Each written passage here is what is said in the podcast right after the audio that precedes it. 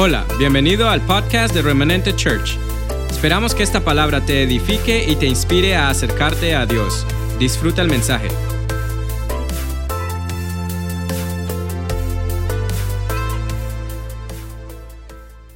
Buenos días, iglesia. Qué difícil es igualar ese timbre de voz que tiene el pastor Villa, ¿verdad? Este hombre no necesita de micrófono. Es una bendición tenerlo en casa. Pastor, quiero decirte que es una bendición que hayas estado y que hayas podido compartir, que estés en medio de nosotros. Tu vida nos bendice, tu vida es testimonio de la grandeza de Dios. Eres genuino, eres real, eres honesto. Esta casa te ama. Nos bendice mucho que estés aquí, ¿verdad? Pastor Villa, yo lo conocí cuando, dejemos así, no hablemos más. Cuando manejaba una motico el hombre y hoy en día pues Dios lo ha llevado a gran escala y es un hombre de, reino en el eje cafetero. Usted camina con el pastor Vía en el centro de Pereira y es como si estuviera caminando con una reina de belleza.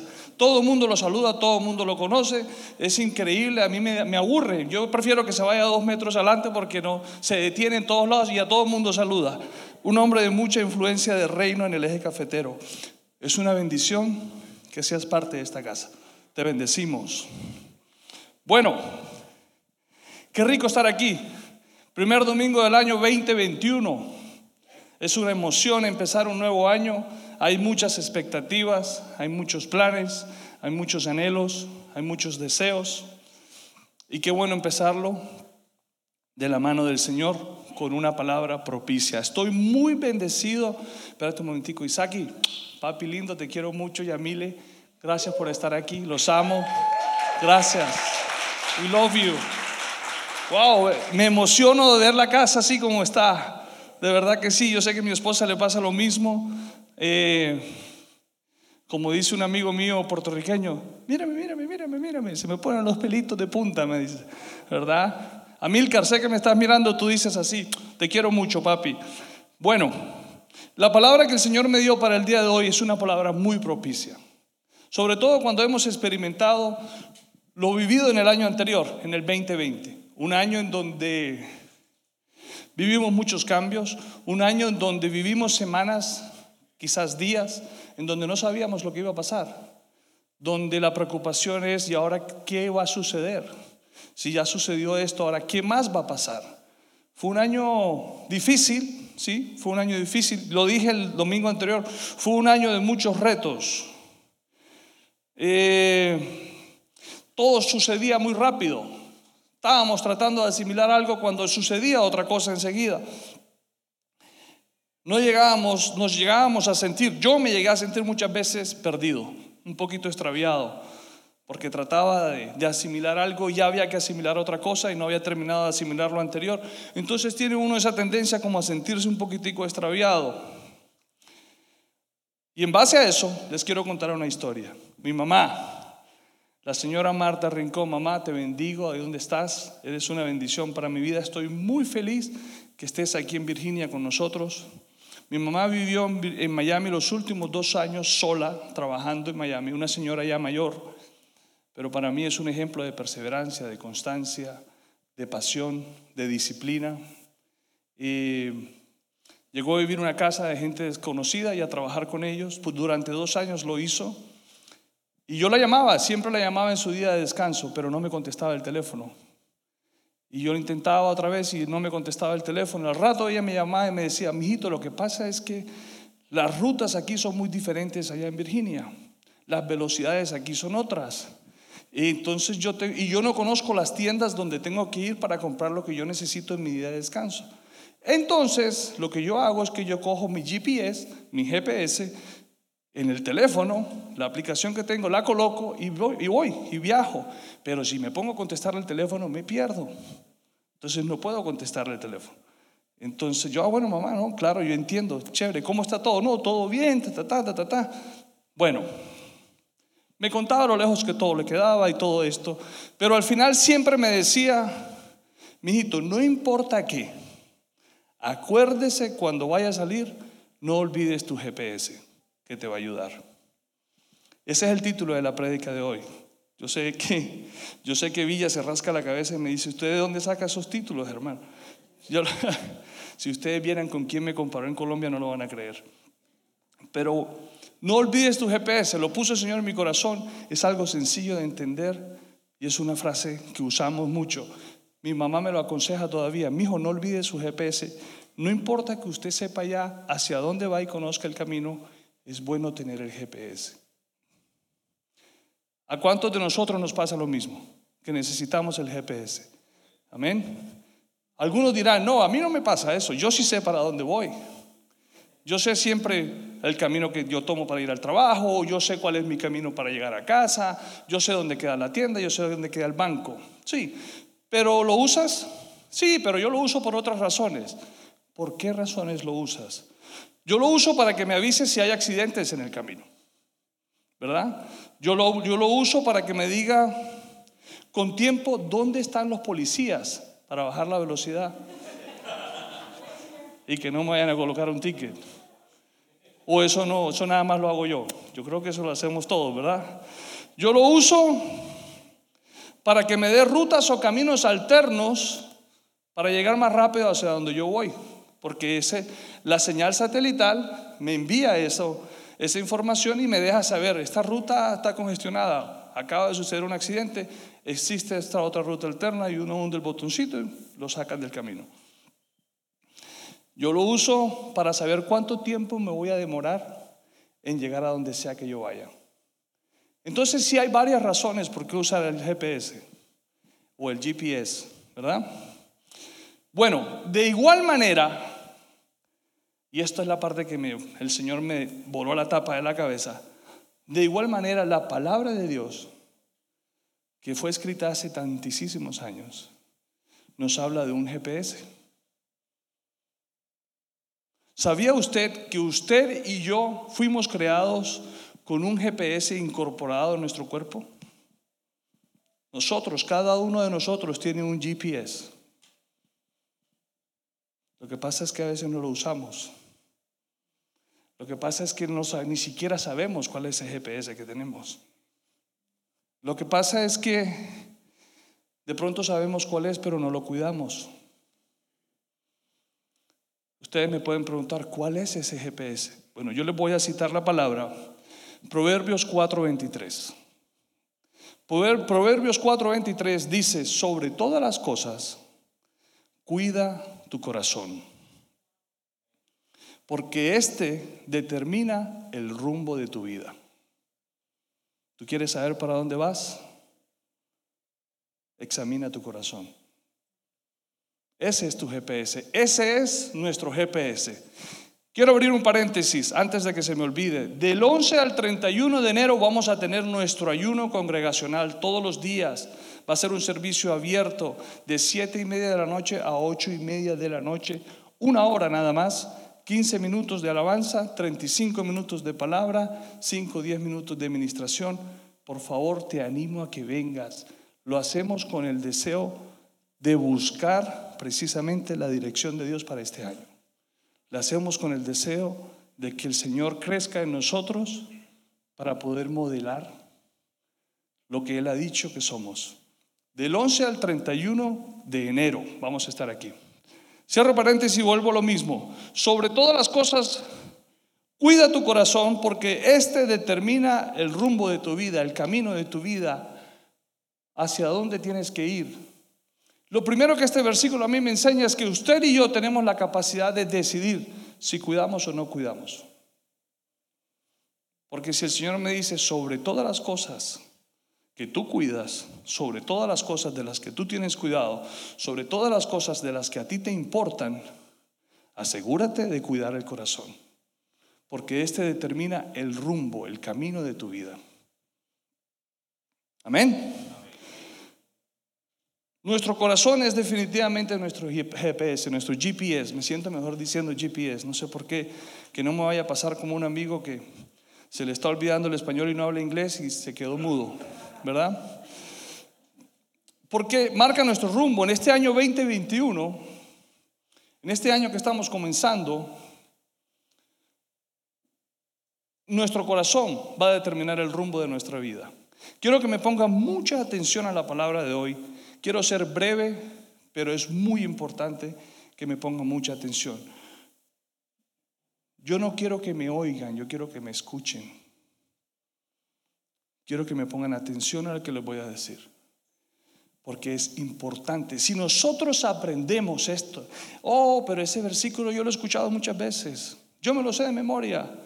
Yo lo he enseñado. Ok. Pero quiero que me escuches para que recibas la revelación de lo que Dios te quiere enseñar para este año. Y no solo para este año, para el resto de tu vida. Necesitamos prender ese GPS. Necesitamos tenerlo con la batería cargada. Necesitamos tenerlo con la antena como tiene que ser para recibir la señal correcta.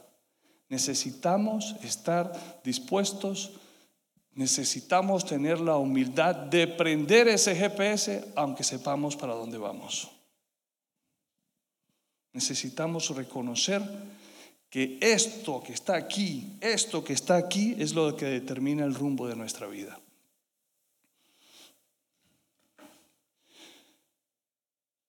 Si nosotros hacemos esto, si nosotros prendemos este GPS y lo sintonizamos con esa señal de Dios, vamos a caminar con cielos abiertos. Van a haber cambios sobrenaturales en nuestra vida. Primero que todo, no nos vamos a perder, ni nos vamos a sentir perdidos, porque está sintonizado con el Dios, con el Rey de Reyes, con nuestro Dios, con nuestro Padre. Les aseguro que vamos a llegar más rápido. Les aseguro que vamos a estar anticipados ante los incidentes o accidentes del camino y Dios nos va a dar rutas o vías alternas, porque Él quiere que lleguemos, Él no quiere que nos perdamos, Él quiere que estemos puntual a la hora, a la cita con Él. Él quiere que se cumpla lo que Él escribió acerca de ti y de mí. Él quiere que tú confíes en esa señal.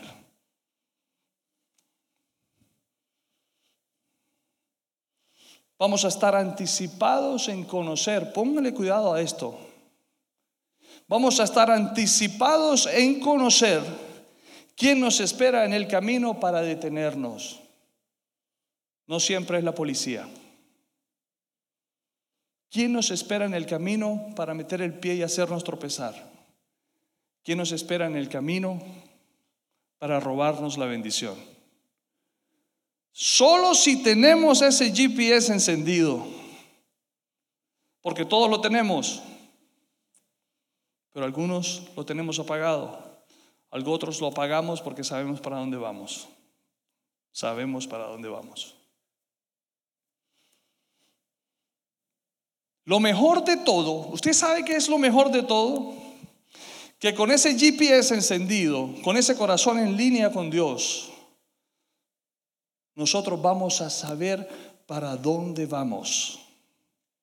No nos va a pasar lo que nos pasó en este año que acaba de terminar, en donde nos sentimos perdidos y no sabíamos qué hacer. Y les quiero ser honesto, yo no sé cómo va a ser el 2021, pero si yo tengo mi GPS encendido, yo no tengo temor alguno, porque sé que mi Padre me manda la señal y con mi corazón encendido yo tengo que confiar y obedecer. ¿O no confía usted en su GPS cuando le dice, más adelante hay un accidente, desvíate por aquí? ¿Y qué haces? ¿Qué haces? Hundes esa tecla, tomas esa ruta, confías a ciegas en una señal que te manda un satélite creado por el hombre porque quieres llegar más rápido. ¿Tú crees que Dios no quiere hacer lo mismo? ¿Tú crees que Dios no te quiere dar la señal para que te desvíes en un momento dado, para que llegues a tiempo? Señor, pero voy tarde. Ya no alcanzo a llegar. Mi esposa me dice, papi, si vas a correr, corre para llegar temprano, pero si ya vas tarde, no corras. Señor, voy tarde. Yo sé que vas tarde. Pero te voy a enviar una señal. Te voy a enviar una dirección. Te voy a cambiar la ruta. y la manda el Señor. Y tú dices, no, es que yo no, yo ese no, Señor, yo no soy capaz de hacer eso. Señor, ¿cómo me vas a pedir que hable con esa persona? Déjame que yo, este, yo sé por aquí es que el Señor dice, bueno, yo te mandé la señal. No confiaste, no obedeciste. Pero el Señor te la va a mandar. Clama a mí yo te responderé y te enseñaré cosas grandes y ocultas que tú aún no conoces. Le oramos a Dios, le clamamos a Dios, le pedimos a Dios dirección, le pedimos a Dios sabiduría, le pedimos a Dios que nos guíe y cuando Él nos habla, jugamos la de nosotros. Hacemos la nuestra, la que conocemos. Y nos seguimos metiendo por las 66 cuando hay unas vías alternas que nos hacen llegar más rápido.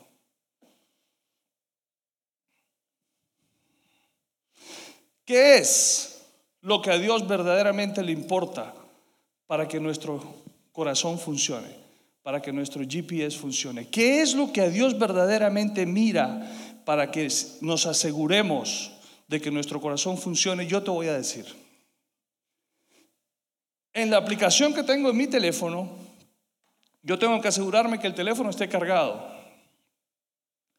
Si no tengo mucha memoria, tengo que asegurarme de borrar fotos y videos viejos incluso hasta mensajes de texto, porque yo necesito esa memoria para que el GPS me funcione bien, para que no se me congele, para que no se me pierda. Eso es en el teléfono. Pero ¿qué con nuestro corazón? ¿Qué es lo que al Señor verdaderamente le interesa que nosotros aprendamos en el día de hoy para que ese corazón funcione y esté alineado y reciba la señal clara de lo que Dios quiere para nosotros. Yo se lo voy a decir. Hebreos 4:12 dice, la palabra de Dios es viva y eficaz. La palabra de Dios es Dios, es Jesús. Jesús está vivo y es eficaz. Jesús está vivo y no falla. Jesús está vivo y te da la señal correcta. Jesús está vivo y te quiere decir con el detalle que necesitas saber para que llegues donde quieres llegar. Por eso es eficaz. Eso es Jesús en nuestras vidas. La palabra de Dios, ¿cuántas veces hemos leído Hebreos 4:12? La palabra de Dios es viva y eficaz y hasta nos asustamos. Pero la palabra de Dios es Jesús. Jesús es la palabra de Dios, el que habita en, aquí dentro nuestro. Jesús el que murió por ti en la cruz y por mí. Jesús el que derramó su sangre. Él es el verbo. Él es la palabra. Él es el que está vivo y es eficaz. Como dice un amigo mío, donde pone el ojo, pone la bala. No falla. No pierde una. Jesús no pierde. Y Jesús no va a perder todo lo que ha invertido en ti. Por eso trajo esta palabra el día de hoy. Y más cortante que todo es para de dos filos Qué miedo. Uy. Y penetra hasta partir el alma y el espíritu. Lo que quiere decir esto es, lógicamente, un cuchillo o una espada de dos filos entra hasta lo que más profundo de lo que sea que esté cortando. Eso es la palabra de Dios, eso es Jesús. A Jesús no le podemos esconder nada. Él lo conoce todo. Dice que penetra hasta los tuétanos. ¿Qué le podemos esconder a Él? A mí me pueden esconder muchas cosas. A tu papá le puedes esconder muchas cosas. A tus hijos les puedes esconder muchas cosas. Pero a la palabra, al verbo, a Jesús, ¿le puedes esconder verdaderamente algo? ¿Habrá algo en tu vida que Él no conozca? Lo conoce todo. Las coyunturas y los tuétanos y discierne, aquí está el detalle discierne. Para tú discernir algo, tiene que ver con que no te lo están diciendo ni te lo están compartiendo, pero tú disciernes. Dios nos permite discernir corazones, Dios nos permite discernir vidas, Dios nos permite discernir situaciones. No nos han dicho nada, pero la palabra de ciencia opera sobre nuestras vidas y pareciera que estuviéramos leyendo un periódico. Eso es Jesús en nosotros. Eso es lo que dice aquí la palabra. Que discierne, que entiende, que ve lo que tú no estás mostrando. Eso es lo que está diciendo. Y dice que discierne nuestros pensamientos. Oh, oh. Y las intenciones del corazón. Esas dos cosas son las que más le interesan al Señor que nosotros aprendamos en el día de hoy. El Señor discierne nuestros pensamientos y las intenciones de nuestro corazón. Si nosotros no escondemos nuestros pensamientos, si nosotros no ocultamos nuestras intenciones, vamos a tener el GPS encendido. Sencillo. Este es un evangelio vivible. Este es un evangelio posible. Este es un evangelio, se lo voy a decir así, que me perdonen las personas que estén viéndome ahorita mismo online, pero este es un evangelio sin religión. Sencillo, vivible. ¿Sabes qué? Yo les voy a decir algo. Esto no está en las notas, pero por aquí me voy a meter. Yo he tenido conversaciones con mi esposa donde hemos leído historias en la Biblia y vemos que los fariseos llegan y empiezan a cuestionar a Jesús. ¿Por qué los discípulos, por qué tus discípulos se atreven a invalidar la ley y comen sin lavarse las manos? Y entonces la palabra empieza y Jesús empieza, ¿por qué ustedes invalidan verdaderamente la ley cuando la ley dice que honren a padre y madre y ustedes se atreven a decir que no, que ustedes deciden darle esa porción que le corresponde a sus padres al Evangelio. Cuando verdaderamente no hace daño comer sin lavarse las manos. Eso dice la palabra. Pero ¿quiere saber usted yo cómo mi esposa y yo pensamos que Jesús les dice? Se van a reír. Jesús les dice, esta gente cree que yo soy bobo. ¿Qué me van a venir a mí a echarme cuentos que me tengo que lavar las manos? No respetan, no saben con quién están hablando. Hey Pedro, estos manes están locos. ¿Cómo se atreven a decir que es que porque si yo no me lavo las manos invalido la ley? Si eso no hace daño, lo que hace daño es lo que sale de la boca, no lo que entra así. Lo que pasa es que la Reina Valera fue escrita para personas nice, como se dice. Entonces se usó un lenguaje, ¿no? Como el de la familia Peluche, así, un lenguaje para pocos que convirtió en evangelio, el evangelio en algo inalcanzable. Cuando el Evangelio es para nosotros, para vivirlo, para disfrutarlo, para bendecir a los nuestros, para confiar en Él, para obedecerle. Jesús era alcanzable, Él se rozaba con todo el mundo, Él no discriminaba a nadie, comió con Leamos, leamos la historia, leamos los hechos, leamos, perdón, los evangelios y nos vamos a dar cuenta, no discriminó a nadie, aceptó las invitaciones que le hicieron, porque él quería asegurarse de modelar un evangelio vivible, no un evangelio lleno de reglas humanas, por no decir religión. Ok. Hebreos 4:12 nos enseña que para tener ese GPS encendido, alineado, cargado, con la, la antena allí, conectada con Dios, para recibir la señal del Señor, necesitamos no esconder nuestros pensamientos ni nuestras intenciones.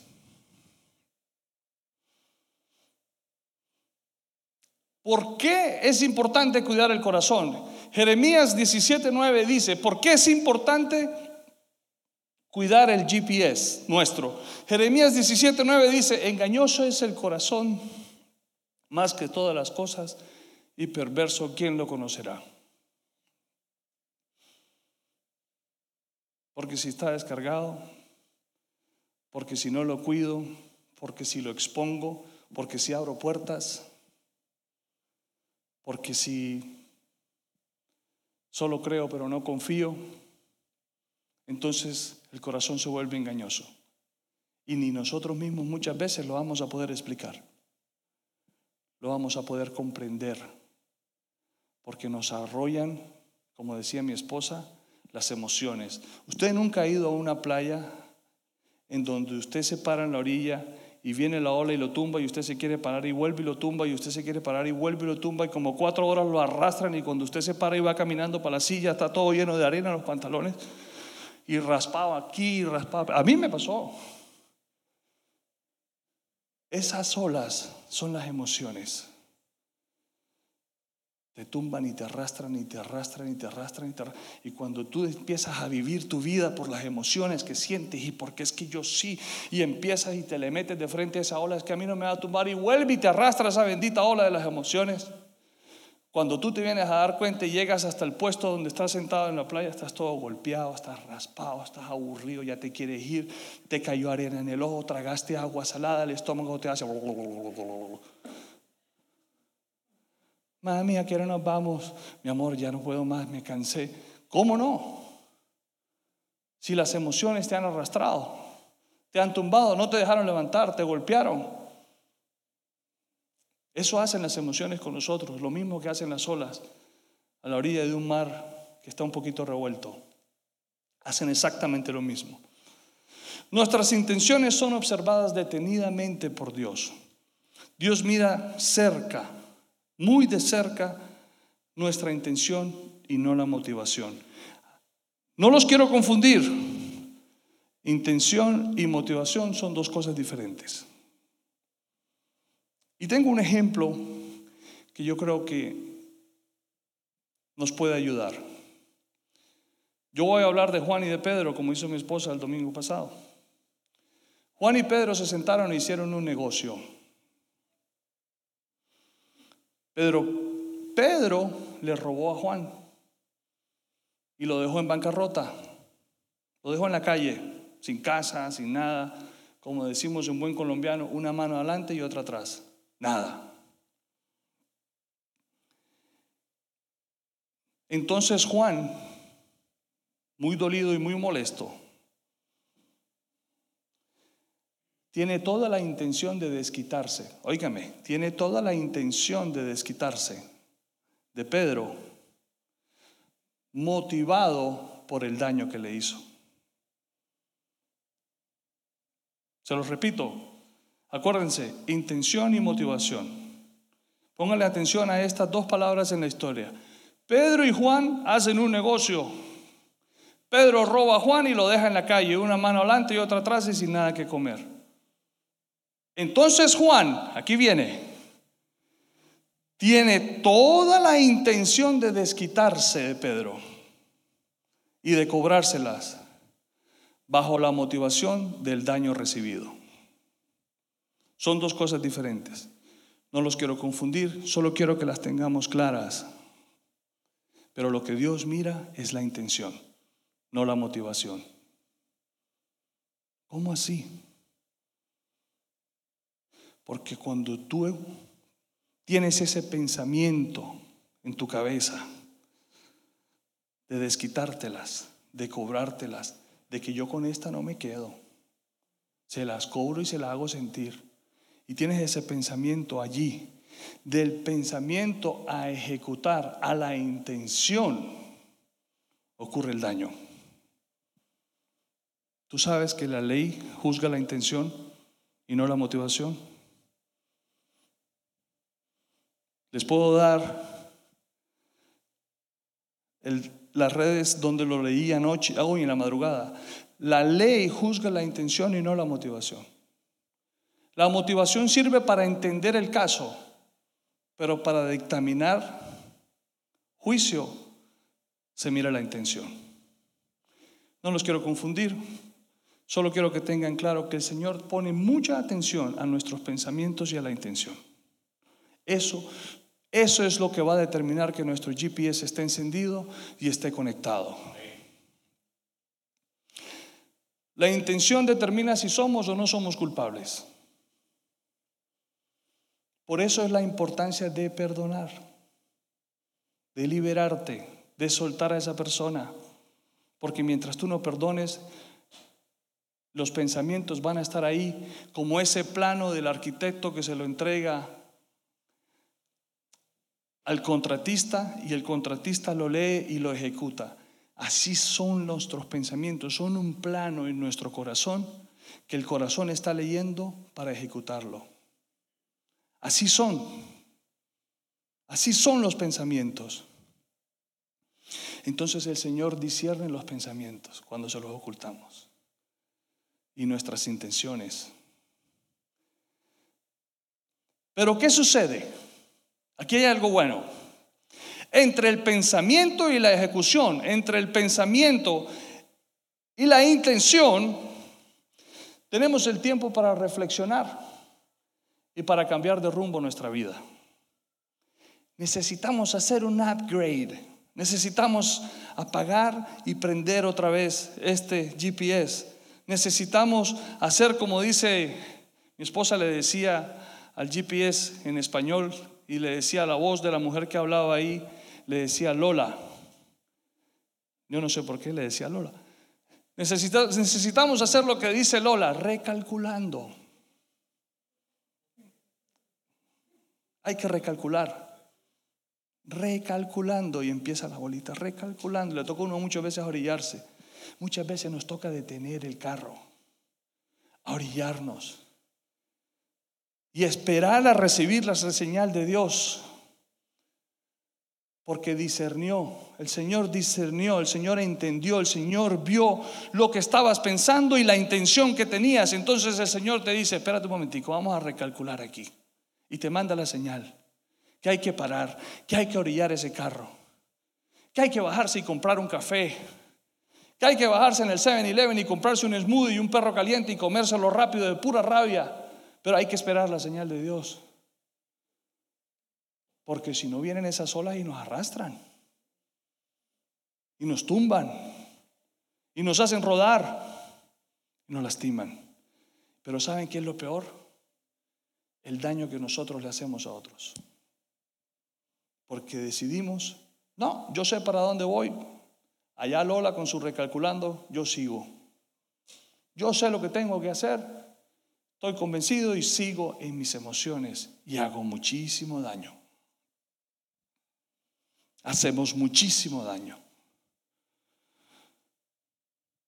Por eso es importante hacer algo que nos enseñó David en Salmos 26, 1, 3. Dice, declárame inocente él habla con el Señor, está en la, nueva traducción viviente. Él dice, declárame inocente. Es lo que le dice, declárame inocente, oh Señor, porque he actuado con integridad. O sea, no te he escondido nada. Eso es integridad. Yo lo, he, yo lo he dicho aquí muchas veces, integridad no es perfección. Integridad es aquel que no esconde nada al Señor. Vives una vida íntegra. Y dice David, he actuado con integridad, he confiado en el Señor sin vacilar. Año 2021 es el año de confiar. No es el año...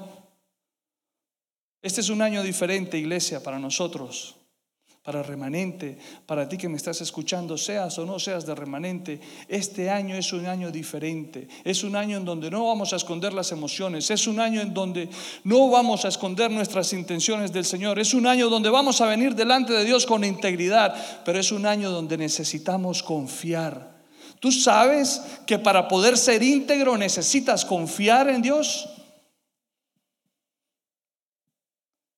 Porque o si no te presentas delante de Dios con excusas. Sí, Señor, lo que pasa es que tú sabes, ella me provoca. Y me mira así, que, me, que, me, que me incita a la pelea. Y yo no me voy a dejar. ¿No? Entonces tú vienes delante de Dios buscando que Dios te entienda y no reconociendo que alzaste la voz y que gritaste y que peleaste y que tiraste la puerta y que se te salió una mala palabrota Señor, tú sabes, Señor, Señor, pero tú, tú estás aquí y tú, tú fuiste testigo de cómo me miró. ¿O no te diste cuenta cómo tiró la cuchara en el lavaplatos y el ruido que hizo? No, y el niño se puso a llorar. Y a mí que no se metan con el niño. Entonces el Señor se queda, Ajá. ok. ¿Y tú? Venimos delante de Dios con excusas buscando ser entendidos y se nos olvida la integridad. Se nos olvida que no podemos esconder nuestros pensamientos ni nuestras intenciones. Se nos olvida que para poder ser íntegros necesitamos confiar en los juicios del Señor. Para poder ser íntegros necesitamos confiar en la palabra, en la dirección, en la señal que nos está mandando. En que estás a punto, vas por el camino que conoces, pero Dios te dice, dobla aquí a la izquierda. Te dice, no, Señor, si queda allá, dobla a la izquierda. No, pero Señor, es que yo lo veo, estoy aquí a tres cuadras. Dobla a la izquierda, cabezón. Señor, pero sí. Yo creo que está mal el GPS. Y procundum, caíste en un hueco. Te salió un carro, pum, te chocó. Te paró el policía y te encontró que tenía el emission inspection vencido. Y ni te habías dado cuenta. Pero si yo te dije que doblaras a la izquierda,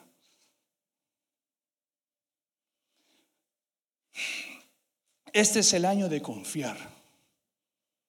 Este es el año de vivir en integridad. Este es el año de no solamente creerle a Dios, es el año de confiar en Dios. Dice la palabra, he confiado en el Señor sin vacilar. O sea, no titubeó el hombre para confiar en Dios. No le escondió nada al Señor.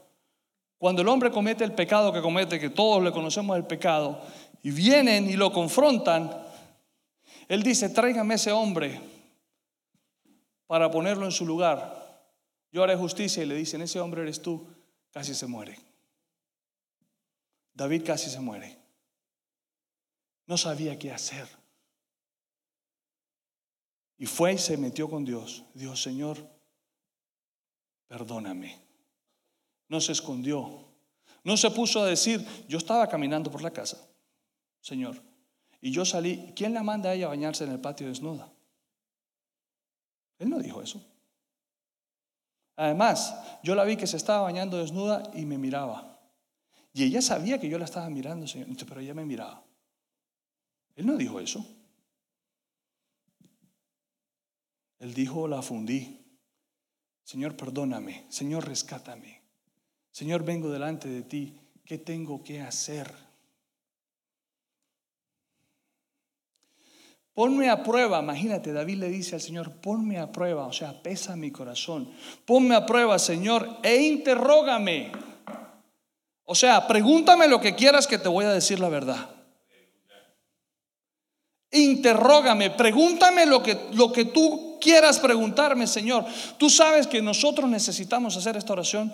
Tú sabes que nosotros muchas veces no sabemos cómo ir delante de Dios para decirle la verdad, para no esconderle nuestros pensamientos, para, para evitar, para nosotros no esconderle nuestras intenciones. Necesitamos ir delante de Dios y decirle, Señor, interrógame, pregúntame lo que quieres saber porque yo no sé cómo decírtelo. Hazme las preguntas. Ayúdame, Señor, ayúdame a sacar dentro de mí lo que necesito decirte porque no sé cómo decírtelo. Porque engañoso y perverso es el corazón del ser humano.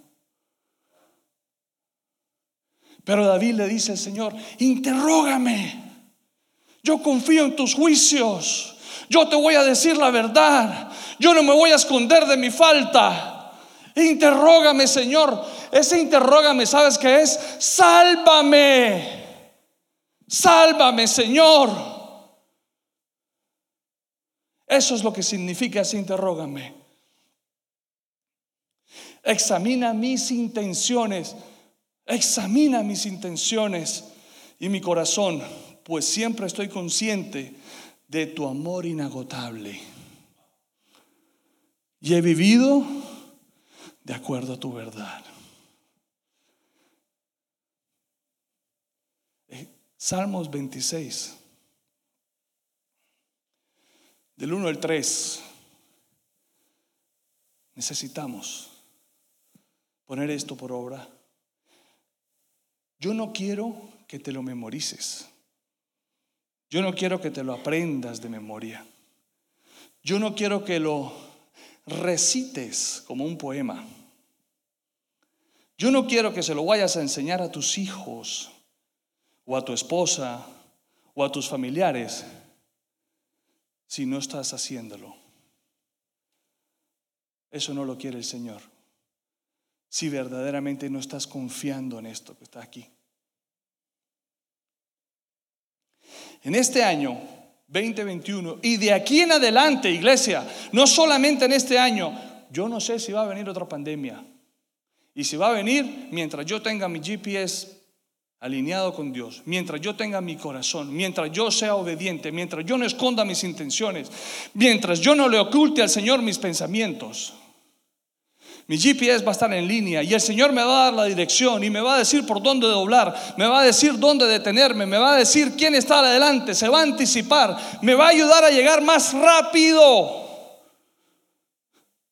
Porque yo no sé qué va a pasar en el 2021. Y como dice mi suegra, ni sé ni me importa.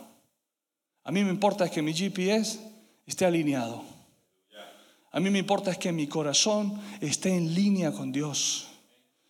Porque así yo voy a tener la garantía de lo que dice Proverbios 4, 23. Voy a llegar. Porque ese es el marca el rumbo de mi vida. 2021 y de aquí en adelante, iglesia, por eso te digo, esto es para cambiar tu vida, para que dejemos de jugar a la iglesia. Esto es para, para que dejemos de jugar al Evangelio. Esto es para vivir el Evangelio. Esto es para vivir la palabra.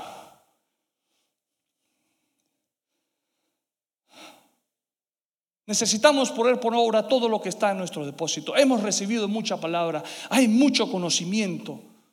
Pero llegó el tiempo de poner por obra, llegó el tiempo de, poner en práctica todo lo que está aquí. Todo lo que hemos aprendido, todo lo que hemos escuchado, todo lo que cantamos aquí. Llegó el tiempo de hacerlo. No importa, ojo a esto, me dijo el Señor que te dijera, no importa qué edad tengas, no importa qué edad tengas, no importa si eres joven, no importa si eres de años avanzados. Ojo a esto, no importa qué edad tengas, si alineas tu corazón, si confías, si vives en integridad y obedeces, los tiempos se van a acelerar. Y el cumplimiento sobre tu vida va a ser real. Lo vas a vivir, lo vas a disfrutar no importa qué edad tengas. El tiempo no es un límite para Dios. El tiempo no limita a Dios. Todo lo que enseñamos, todo lo que predicamos, vamos a ponerlo por obra. Todo, iglesia. ¿Cómo lo vamos a hacer? Primero que todo en nuestras casas.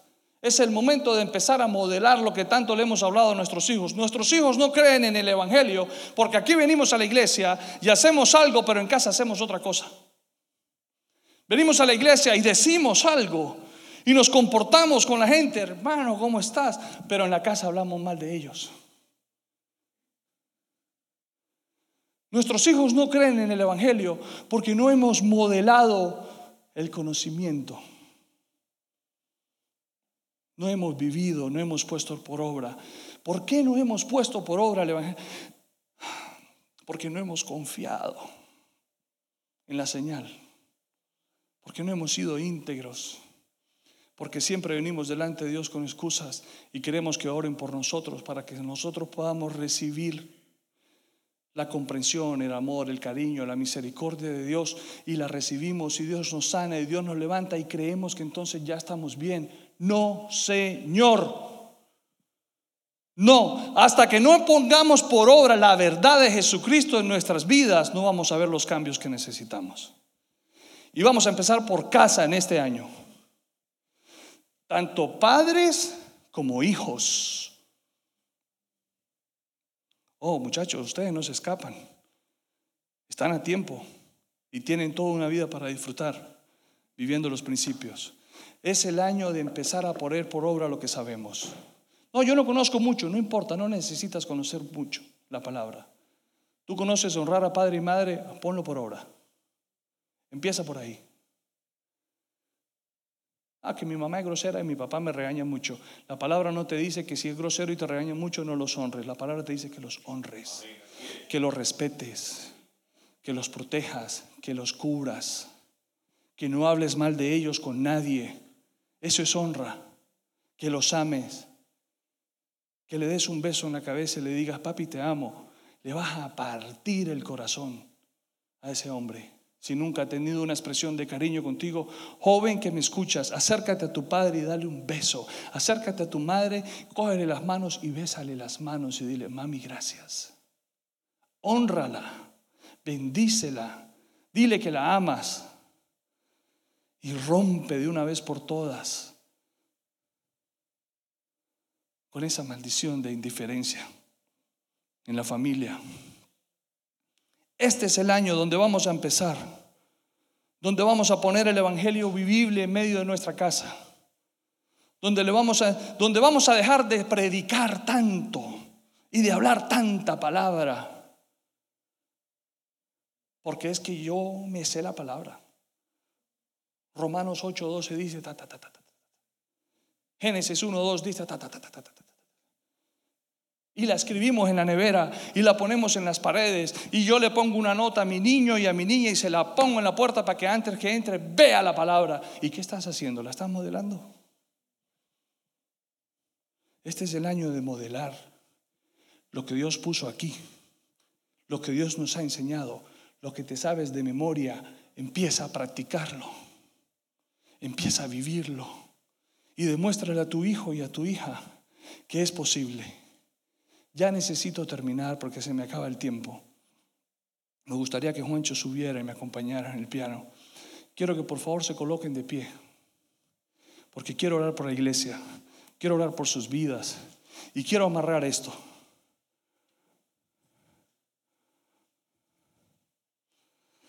¿Cómo podemos predicarle a nuestros hijos de santidad si no sabemos lo que significa santidad? ¿Cómo vamos a hablarle a nuestros hijos de santidad si lo que venimos a hablar a ellos es un montón de reglas imposibles de vivir? ¿Cómo le vamos a hablar a nuestros hijos de ser santos porque yo soy santo? ¿Usted sabe qué significa santidad? Apartados para Dios. No significa que si no te lavas las manos no puedes comer. Me perdonas si estás mirándome. No significa que tienes que usar faldas largas no significa que no puedes maquillarte. Me conmueve el corazón porque yo sufrí religión.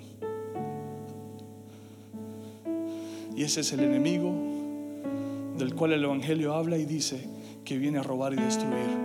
La religión te viene a robar y a destruir. Nosotros mismos con nuestras reglas hemos venido a robarnos la vida que el Evangelio nos da. Nosotros mismos con nuestras reglas, porque nos autodescalificamos, hemos venido a destruirnos, a autodestruirnos. No es el diablo, son las reglas que el hombre ha puesto en la iglesia, los conceptos religiosos. ¿Cómo le vamos a pedir a nuestros hijos que sean santos si no sabemos lo que significa santidad? Si no lo vivimos le modelamos una vida religiosa imposible, aburrida, aburridísima. ¿Cómo vamos a hacer nosotros que nuestros hijos entiendan que Jesucristo murió por ellos y por eso están apartados? ¿Cómo vamos nosotros a lograr que ellos vivan eso? ¿Cómo vamos a hablarles de prosperidad si ni siquiera entendemos cómo es que opera sobre nuestras vidas? porque estamos allá afuera corriendo en el afán de alcanzar metas y alcanzar logros cuando la prosperidad está diseñada para que nos alcance a nosotros. La bendición de Dios está diseñada para que te alcance. No has terminado de recibir una cuando está la otra ya encima tuyo. ¿Por qué? Porque confías, porque obedeces, porque eres íntegro, porque no escondes tus pensamientos de Dios, porque no escondes tus intenciones de Dios. Porque cuando no sabes cómo orar, le dices al Señor, Señor, interrógame, interrógame, ayúdame, ayúdame, Señor, ayúdame, sálvame, interrógame, pregúntame, Señor. Entonces, entonces vivirás y modelarás la palabra, la verdad. Y entonces la prosperidad te alcanzará. Y entonces, entonces tendrás para regalar, tendrás para bendecir a muchos, tendrás para dar prestado y no pedir prestado. Eso es lo que Dios quiere para nosotros, iglesia. Y este es el momento.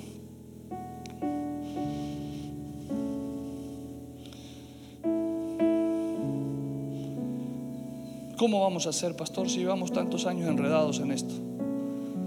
Vamos a confiar en esa señal que Dios nos envía. Vamos a confiar en lo que el Espíritu Santo de Dios habla en nuestras vidas. Vamos a confiar y vamos a obedecer. Vamos a confiar y vamos a obedecer. Vamos a confiar y vamos a obedecer. Vamos a confiar y vamos a obedecer. Vamos a confiar y vamos a obedecer. Y cuando obedecemos, se aceleran los tiempos. ¿Por qué cree usted que Jesús caminó a cielos abiertos? Porque confiaba y obedecía. Confiaba y obedecía. Confiaba y obedecía. Señor, vamos a comer. Le dice, no. A mi Dios me dijo que tenía que ir a tal pozo a hablar con una mujer. Confiaba y obedecía. Y caminaba a cielos abiertos. Y la bendición lo perseguía. Y los milagros eran pan del día a día. La religión nos ha enseñado que en el milagro vemos la grandeza del Señor y perseguimos los milagros y no modelamos la palabra, no modelamos a Jesús, no modelamos a aquel al que los milagros lo perseguían. Jesús confiaba y obedecía. Y su GPS, su corazón estaba ahí, alineado, pendiente. Así lo vamos a hacer, así vamos a salir de la religión, así vamos a poder lograr modelarle a nuestros hijos un evangelio vivible. The real one, the one that doesn't hide anything, the one that is truthful, el que es de verdad. Ese. ¿Y sabes qué, padres? Quizás vamos a necesitar llegar a nuestras casas y pedirles perdón a nuestros hijos. Y te, te recomiendo que lo hagas, porque ahí vas a capturar el corazón de tu hijo. Porque ahí le vas a decir al Señor, Señor, he confiado en ti. Señor, he creído, pero he confiado más que creído y obedecido.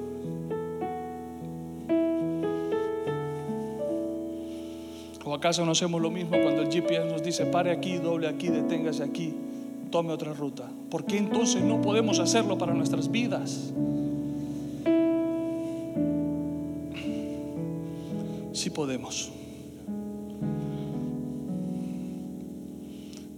Hijo mío, es la segunda vez que el Señor me da esta palabra para la iglesia. Hijos míos, hijos míos hijos míos, somos de Él. No somos solamente hijos, sino que somos de Él. Somos de su propiedad. Dice, hijos míos. Son míos. Nadie me los quita, son míos. Dice, hijos míos, presten atención a lo que te voy a decir. Escucha por eso les dije al principio, no quiero que me oigan, quiero que me escuchen. Escucha atentamente mis palabras, mi dirección, mi guía, mi señal. Escucha atentamente mis palabras. No las pierdas de vista. En otras palabras, no te distraigas. No te distraigas. Iglesia, no te distraigas. No te distraigas. En este momento no te distraigas. Y escuchemos lo que el Señor tiene que decir. Escucha mis palabras, no, las, no te distraigas, déjalas que lleguen. hasta lo profundo de tu corazón. Déjalas que lleguen hasta lo profundo de tu GPS, pues traen vida a quienes las encuentran y dan salud a todo tu cuerpo. La palabra de Dios es vida. Hoy hemos recibido una porción de vida impresionante. Hoy hemos recibido la verdad. Hoy el Señor ha marcado nuestras vidas. Si tú escuchaste atentamente esta palabra y recibiste la revelación, sabes que tu vida va a ser diferente de aquí en adelante. Porque cuando no sepas qué hacer, le vas a decir al Señor, Señor, en tus juicios he confiado. Interrógame porque no sé qué decirte. Pregúntame, Señor, que yo te voy a decir la verdad. Y entonces alinearás tu corazón con el corazón de Dios. Déjala llegar hasta lo profundo de tu corazón. En otras palabras, iglesia, es el tiempo de confiar. Es el tiempo de obedecer. Para que podamos vivir la hermosura de este Evangelio. Levanta tus manos ahí donde estás y permíteme orar por ti.